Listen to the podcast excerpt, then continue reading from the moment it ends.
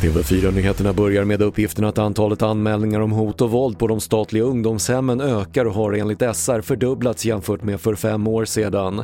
Grövre våld inom kriminella gängvärlden sägs vara en orsak till ökningen.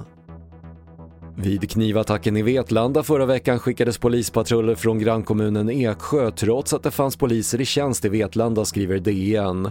Och framkörningstiden på 16 minuter har väckt liv i debatten om polisens närvaro i glesbygdskommuner. Region Stockholm inleder sist i landet nu fas 2 i coronavaccineringen.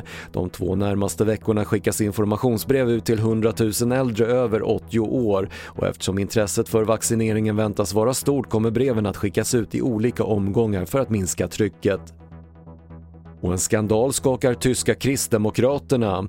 Två parlamentsledamöter lämnar nu partiet efter att det kommit fram att de tjänat stora pengar på att förmedla kontrakt för munskydd under pandemin. Och skandalen kommer just som startskottet går inför tyska valet i september. Det var det senaste från TV4 Nyheterna. Jag heter Patrik Lindström.